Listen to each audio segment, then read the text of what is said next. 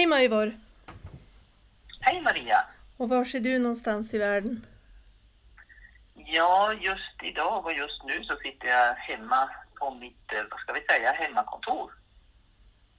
Var är hemma Och någonstans har- för dig? Hem, hemma för mig det är den lilla byn Koler som ligger eh, sex mil drygt väster om Piteå mellan Älvsbyn och Jörn efter Norra stambanan. Va, vem är Majvor då? Ja, Majvor är en enveten glesbygdsbo får vi väl säga. Jag är en sån som trivs eh, ute i skog och mark och jag trivs med att ha djur och natur omkring mig. Och eh, jag har ganska, ganska många intressen egentligen. Men det här, just att jag har koler som bas och det är ju också för att familjen har etablerat sig här och barnen växte upp här och, och det har bara blivit så att jag har fortsatt eftersom jag trivs bra. Mm. Jag är mormor och farmor till sju underbara barnbarn.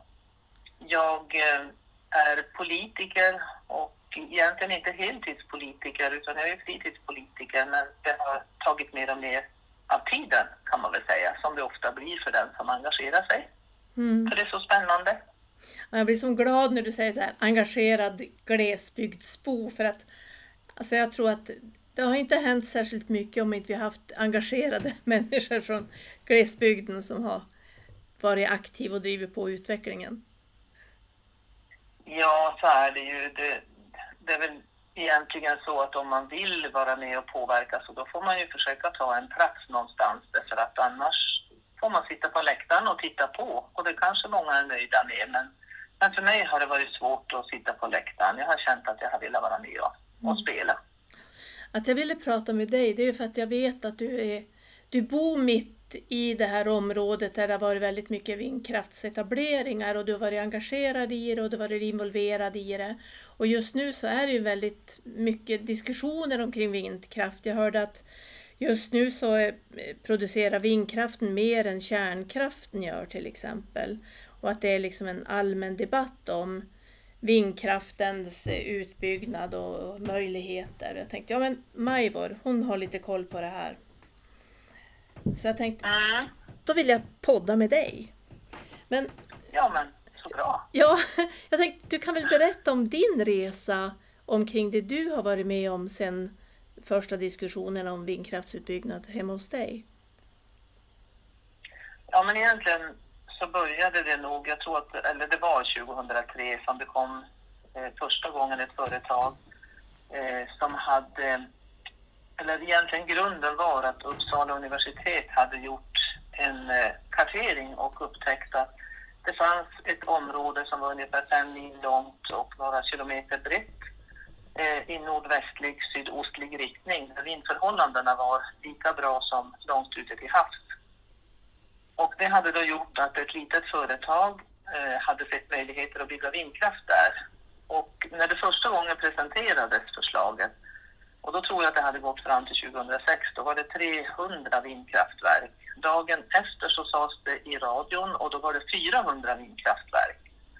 Och sen gick det väl ytterligare en tid så eh, var det liksom befäst att man sökte tillstånd för 1101 stycken vindkraftverk eh, med tidens gång, för det där har ju nu snart gått 20 år sedan, så har vi ju alla sett utvecklingen att vindkraftverk blir större och större. Eh, därför att på hög höjd så blåser det en mer stabil vind. Och det i sin tur gör att verken till antal blir färre. Så det kommer inte att bli 1101 vindkraftverk i markbygden, men kanske låt säga 700-800. Och just nu är det någonstans mellan 300 och 400 verk. Men alltså 1101, det var ju lite udda. Varför är det 1101 i antal? Ja, ska jag vara ärlig så tror jag att det är helt och hållet en marknadsföringsgrej. Okej. Att eh, det var det maximala antalet som man kunde få ut i det område som man hos regeringen sökte tillåtlighet för. Hur många är det idag? Om 1101 är målet, hur många är det idag? Ja, det är mer än 300, men jag vågar inte säga hur många fler än 300. Och det byggs ju nu hela tiden så att eh, det ökar egentligen ganska snabbt. Och då är Men det på det den har här, varit ryckvis ibland. men är det på den här remsan då som var fem mil lång och några kilometer bred? Ja, precis. Den är byggd kan man säga i sin nordvästligaste del och där har det kommit upp en ny eh, transformatorstation då som transformerar upp strömmen till 400 kilovoltsledningar, de här stora näten. Och i andra änden, det har också byggts ut till den sydostligaste delen, där finns ett annat ställverk som skickar upp på en annan 400 kilovoltsledning. Eh, sen är det lite varierande grad och däremellan Mm. var det är byggt. Men det är egentligen byggt kan man säga mer eller mindre efter hela den sträckan. Har det, varit, har det varit protester där mot vindkraft som det har varit på andra ställen eller har folk tyckt att det här är lite kul att det kom till oss? Jag tror alltid när det kommer någonting sånt här, för det var ju ganska nytt i Norrbotten, visst fanns det några enstaka verk. Men eh, det var ganska nytt ändå och kanske lite svårt att veta vad skulle det här innebära för oss. Mm. Och företaget som ville projektera området försökte på många sätt få oss eh, delaktiga och ville vara öppna och berätta om för och nackdelar och ordnade studiebesök och annat för att visa på hur det kunde bli. Och visst fanns det protester, eh, men det fanns ju också de som tyckte att det här var en möjlighet för att det här är ett väldigt, väldigt glesbefolkat område. Eh, och det har skett en stor utflyttning, utflyttning under årens lopp. Och det fanns många som också tänkte att kanske att det kunde leda till fler arbetstillfällen och bättre möjlighet att bo här. Mm. Men jag tror att kanske de som har fritidsboende här hade nog allra svårast att acceptera vindkraften.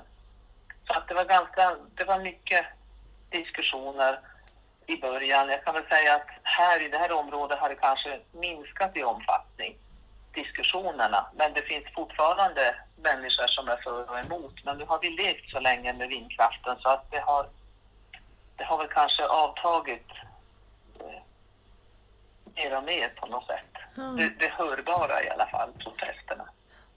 Men är det, det är de som är där och har fritidshus, men den bofasta befolkningen, alltså har de liksom tyckt att det har varit, alltså vad, hur har de påverkats?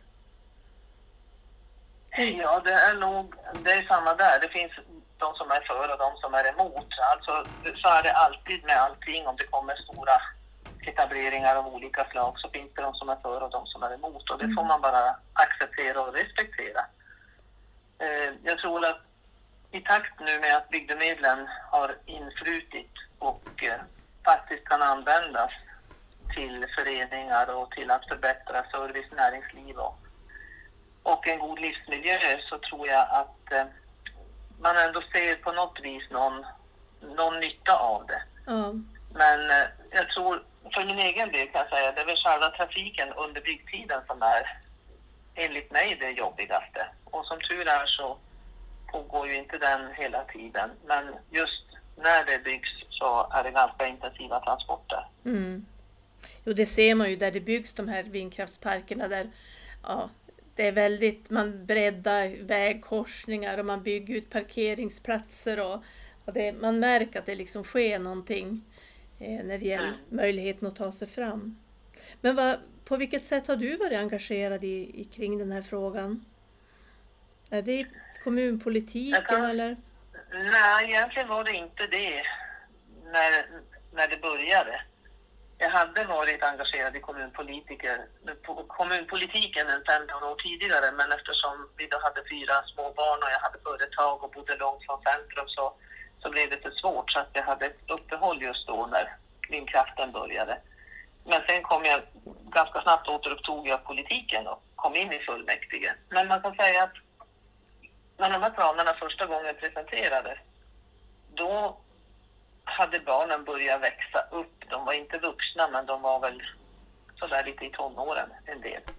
Och då eh, tog vi diskussionen med dem och pratade med dem om vad de tänkte och, och försökte beskriva och berätta vad som skulle hända. Och de tyckte att det lät ju väldigt bra. Och eh, så det var väl egentligen grunden. Eh, att vi hade en diskussion om det här och kanske lyfte lite grann blicken om behovet av förnybar energi och, och vad man skulle kunna ha istället för förnybar energi. Och säkert kan det ha spelat in att jag, mitt politiska engagemang började ju när kärnkraftsomröstningen skulle ske. Mm. Då gick jag i gymnasiet och vi hade mycket diskussioner där om huruvida det var rätt eller fel att låta framtida generationer ta hand om olösta problem med avfallet. Och eh, det ledde väl till att jag då gick mitt första och förmodligen enda demonstrationståg.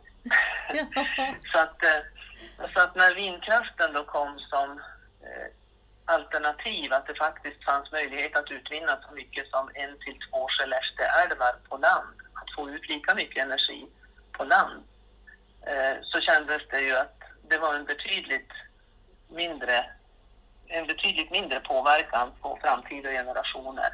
Mm. Så det kändes mer acceptabelt. Jag har fortfarande kvar knappen nej till atomkraft. För jag, jag gick in till demonstrationståget men jag satt och tittade på det och var aktiv på nej-sidan. jag tror jag gick i högstadiet, det är länge sedan. Ja, jag hittade också den där knappen för när jag rotade i några lådor för någon tid sedan. Ja, den, den ska vi spara, det är kult. Det är sånt. Ja, Men jag tänker att eh, den gröna omställningen har ju verkligen tagit fart i norra Sverige och Norrbotten går ju före på många sätt. Men just den här omställningen den startar ju liksom innan. Det är ju en process som du sa har pågått ja, väldigt länge, över 20 år. Eh, Men jag tänker att det måste ju ha varit tajmat. För nu behövs ju väldigt mycket grön energi i Norrbotten. absolut. Vi behöver fram till 2030 tre till fyra gånger så mycket. Vi skulle behöva tre till fyra gånger markbygden till Mm. och sen ytterligare el. Och eh, jag brukar säga att egentligen så var det nog Peter som rullade ut den gröna mattan för att den här omställningen skulle kunna ske. Eh, tack vare att man kunde bedriva den storskaliga vindkraftsetableringen här så, så blev det ännu mer gott om grön förnybar el. Precis det som den här industrin efterfrågar. Ja. Man vill inte ha kärnkraft utan man vill ha vattenkraft och vindkraft. Så att det känns ju på något sätt som en stolthet också att, att eh, det här har fått liksom lägga grunden till det som nu ska ske Mm. Och jag, tror och inte som att, är så viktigt för klimatet. jag tror inte heller att svensken i gemen har förstått att de här vindkraftsparkerna som nu växer upp i norra Sverige, att den el som där produceras kom till att också användas i norra Sverige. Det kommer inte till att finnas liksom både, allt vi producerar, både vind och vattenkraft, kommer till att behöva i norra Sverige. Och då måste man på södra delen utav Sverige producera sin egen el. Men man har inte förstått det riktigt än, känner jag. Nej, jag delar din uppfattning. Man är van att kraften kommer från norr. Ja. Att man har tillgång till vattenkraften. Men eh, jag tror att det, det är nog svårt för gemene man att förstå den enorma energiåtgång eh, som, som det kräver med, den, med att tillverka fossilfritt stål. Mm. Och samtidigt så är det den viktigaste miljöåtgärden vi kan göra om vi på allvar vill minska vårt klimatavtryck. För det är den industri som släpper ut allra mest koldioxid. Mm. Så den är oerhört viktig och det kräver nog att fler kommuner börjar upplåta eh, sina stränder och sina marker för att etablera vindkraftsparker. Därför att det är ju den snabbaste, det snabbaste sättet att få energi och det är också idag det billigaste. Mm. Och jag tittade på Energimyndigheten så förra året svarade vindkraften för 19 procent av elproduktionen. Och det är ju inte att förakta om man tänker hur snabbt det har gått sedan vindkraften började byggas i Sverige. Så har kurvan pekat rakt upp. Ja. Jag tror ju också att just den havsbaserade vindkraften måste liksom öka för att, precis som du säger, att den är både billigare och snabbare att bygga. Eh, Så att jag tror att de, det kommunala vetot ska vi naturligtvis vara rädda om men jag tänker att många av de här kommunerna i södra delen av Sverige de kommer att behöva ompröva sina, sina nej till havsbaserad vindkraft. Om de ska kunna ladda sina mobiler och köra sina elbilar. Ja, men precis så är det. Då är det ett ansvar som vi alla behöver ta och, Mm. och man behöver lyfta blicken. Regeringen har ju utsett en, en gammal kompis till mig. Jag vet inte om du känner Ulrika Liljeberg från Leksand. Mm, det gör jag. Ja, du ser. Eh, Hon har ju blivit utsedd som utredare nu för att titta över hur man ska kunna ersätta den lokala nivån för eh, vind och, och vatten, eller främst vindkraft. Och jag tänker att det här är en fråga som ja, är jätteviktig att få fram för att jag tror att det skulle göra skillnad om människor lokalt, de som berörs, får någonting tillbaka. Att de känner att okej, vi fick liksom något tillbaka utav den här etableringen. Men du säger att ni har bygdemedel. Hur, hur ser det ut för er del i markbygden? Vad, vad går tillbaka där till befolkningen? Ja, det går ju tillbaka bygdemedel som för vindkraften är frivilliga. När det gäller vattenkraft då finns det ju lagreglerade vattenregleringsmedel som bolagen är skyldiga att erlägga. Men just med vindkraft så är det frivilligt. Och eh, de här som började exploatera här, de såg ju nyttan av att försöka få befolkningen med sig och därför så erbjöd dem att bygdemedel skulle gå tillbaka direkt till bygden, inte via Länsstyrelsen, inte via kommunen, utan direkt tillbaka till bygden. Under förutsättning att vi själva kunde hitta en modell för fördelningen så att vi kunde behålla liksom, enighet och att det skulle leda till en bra utveckling. Och vi lyckades med det. Vi hade ett fantastiskt roligt och bra arbete med de här fyra byområdena som är berörda av vindkraftsutbyggnaden. Jag tror nu senast så hade vi en utdelning på ja, ja, ungefär en halv miljon i vårt lilla område där vi är väldigt få till antalet bofasta. Mm. Men en halv miljon till föreningslivet och till olika satsningar, det är inte att förakta. Och när parken är fullt utbyggd så, så rör det sig ju om kanske eh, minst det dubbla eller tre gånger så mycket. Och det är ju också beroende på hur elpriserna utvecklas. Ju högre elpriserna blir desto större, desto större del går tillbaka till oss. Mm. Och det har varit viktigt för att ändå kunna se att vi har någonting tillbaka Mm. för att vårt landskap har förändrats. Jag och tror att precis som det, du säger, den här utredningen som nu pågår, eh, det är ju väldigt viktigt att kommuner får ha kvar sitt veto. För det finns områden där det inte är lämpligt att bygga. mm. Men då måste det här vetot komma väldigt tidigt. För det är inte rimligt att man lägger ner år av arbete på att ta fram en vindkraftspark och sen i slutändan så ändrar sig kommunen och säger nej. Nej, precis. Mm. Och då är det också så viktigt just att, ja, jag, jag tycker personligen att det viktigaste vore att fastighetsskatten på elproducerande verk skulle gå tillbaka till den lokala, regionala nivån. Ja. För fastighetsskatten måste ju alla betala, Mm. men idag går den in i statskassan. Men säg att den på samma sätt som i Norge hade kunnat gå tillbaka eh, till den lokala nivån. Nu är det inte själva fastighetsskatten som går tillbaka i Norge, men alltså att vi får tillbaka en del av de värden som vindkraften genererar. Då hade förhållandena sett helt annorlunda ut i många av de små inlandskommunerna som har svårt att få ekonomin att gå ihop. Ja, och det här förslaget, det vet jag att det har ju det la ju Centerpartiet i, i riksdagen men inga andra partier eh, röstade för. Och det var ju synd. Nej. Nu hoppas jag att man förstår att det, för att man tar fastighetsskatten det är ju för att då påverkar det inte det kommunala utjämningssystemet på samma sätt. Så att det är ju ett bra förslag. Eh, det är bara synd att inte vi fick igenom det för då har det sett annorlunda ut. För det måste till någonting som gör att man känner att okej, okay, nu får vi upp den här vindkraftsnurrorna på vårat berg. Ja, men då måste man känna att man får något tillbaka ändå. Men vad gör du med de här pengarna? Har du några exempel på vad, vad, vad, vad planerar ni eller vad har ni gjort? Ja, men eh, det går det går ju dels tillbaka till att hålla vid liv sånt som, som annars är svårt att drifta i en liten, liten by. Att det går lite driftsbidrag till föreningslokalerna så att man har Mm. möjlighet att träffas. Sen går det till fiskevårdsföreningar, till utsättning av fisk och det går till, till andra föreningar att sätta ut ja, men vindskydd, vad heter det, möbler.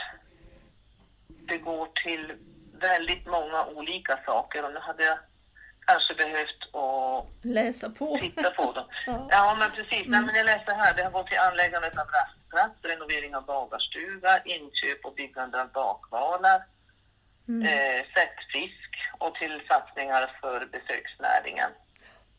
Det är för att göra det lokala mer attraktivt. Lokal, ja. Mm. Det är för att förbättra möjligheten att bo, leva och arbeta i det här området.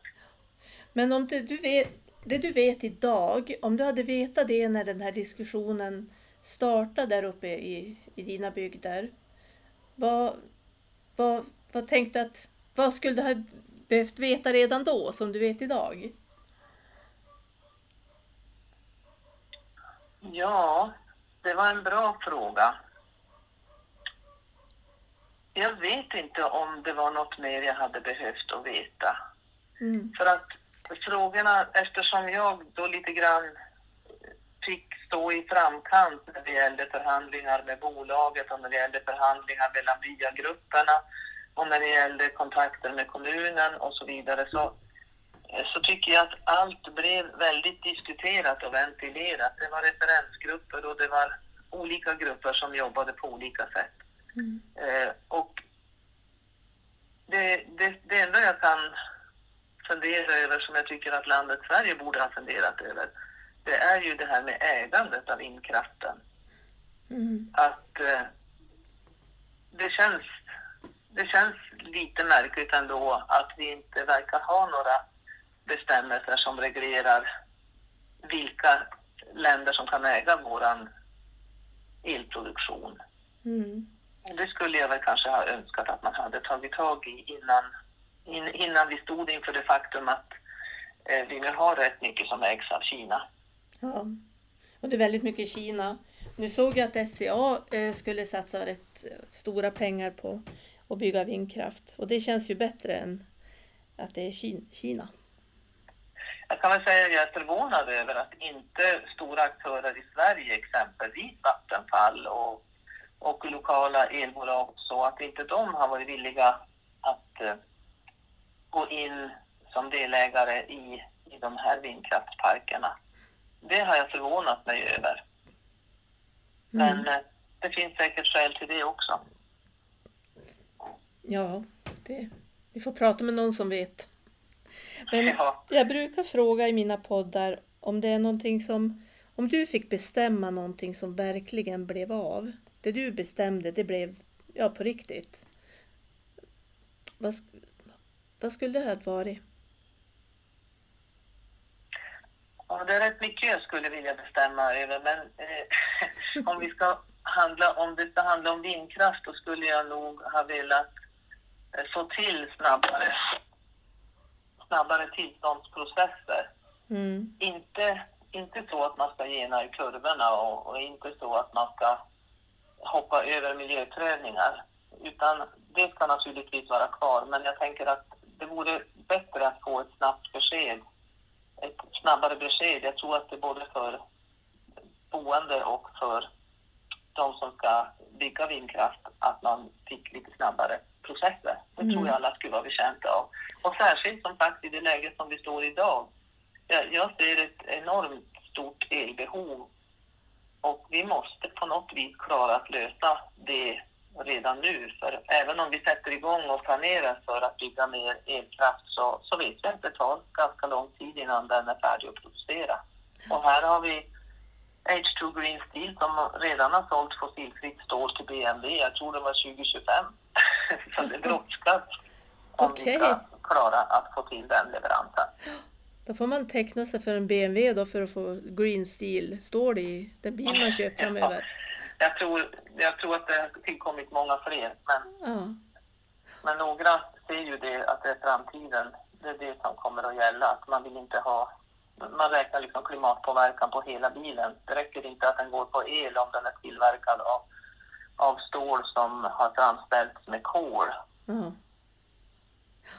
Så, Och det är spännande. Det är spännande att få vara med i den här omställningen och jag tänker att vi i norra Sverige, både ja, regioner och kommuner, kan ju liksom lägga krut vid att bli gröna och eh, hållbara. På det sättet liksom hjälpa till i den här omställningen. Så där tycker jag att där har vi en hel del att göra när det gäller lokal och regional nivå. Att verkligen bli, absolut. vara med Vi är aktiva. ju, vi är ju liksom skyltfönstret mot världen Ja. egentligen. Det finns ett enormt stort intresse för vad som händer här uppe just med den gröna omställningen. Så att det ska vi ta vara på Ja. och nyttja fullt ut. Ja, jag var och besökte ett företag, Inpipe här i Vilhelmina, som gör i liner, bygg om, ja, kör in och fixar vattenledningar och avloppsledningar under mark. Och de är helt styrenfria numera, vilket är helt världsunikt. Men i upphandlingar så räknas inte miljö, miljövärdet utan det är bara priset. Och det är ju ett bekymmer, för skulle man räkna att okej, det är några tusen dyrare, men det är mycket bättre för miljön, då skulle man ju se till att upphandlingarna vägde in miljökraven. Så det, det är väl det är någonting vi behöver jobba vidare på. Absolut, för annars så biter vi oss själva i svansen. Ja, precis. Jag brukar också fråga om det är någon som du tycker jag borde ha med i den här podden. Jag kanske inte hade förberett dig Mm. på den frågan.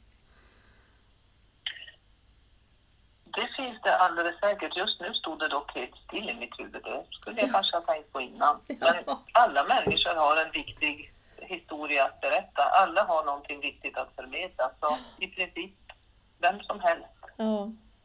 Ja, jag, är, jag är lite nördig just på det här med klimat och eh, miljöfrågorna just nu. Så jag ska väl, väl gräva i den väskan och se vilka jag kan hitta framöver. Men du kanske skulle kunna prata med Fredrik Bäcklund på Svebin. De håller på nu och funderar på ett vätgasprojekt här i Markbygden kopplat till, till eh, vindkraften. Och det är ju också något vi behöver för vätgasen kan vi lagra och transportera den energi som produceras när den inte behövs. Ja, det är ju jättespännande. Alltså jag- Och det är en just väldigt gäller... viktig koppling. Ja, vad sa du han hette? Fredrik Bäck? Bäcklund. Bäcklund. För jag vet att de här stora transportbolagen, Maersk och ja, vad de heter, som kör stora fartyg, de ställer ju om till vätgas och det är redan nu, 2024, så kommer deras flottor till att gå på vätgas. Det är helt fantastiskt spännande. Men du, Maja, det här... Ja, förlåt, jag tänkte bara det här vätgasprojektet som pågår mellan Sverige och Finland. Att man ska bygga en 100 mil lång vätgasledning från Härnösand och ner till Uleåborg. Med förgreningar upp till industriområdena i Norrbotten. Så att det är framtidens melodi för att avhjälpa en del av problematiken att man inte kan reglera kraft. Men kan man Mm. lagra den och transportera i vätgas så då är det jättebra. Då har vi löst det också. Men om det nu är någon som blir så här, åh den där människan vill jag prata med, eh, hon verkar kunna mycket om det här med vindkraft. När du, jag tänkte när du berättade om det här att du har varit med och förhandlat med vindkraftsbolagen. Hur når man Majvor? Ja, men då kan man nog ganska lätt eh, nå mig på sociala medier eller så har jag nog ganska lättillgängligt telefonnummer Ja, eh, som man hittar på Hitta. ja, då får man leta på Majvor Sjölund.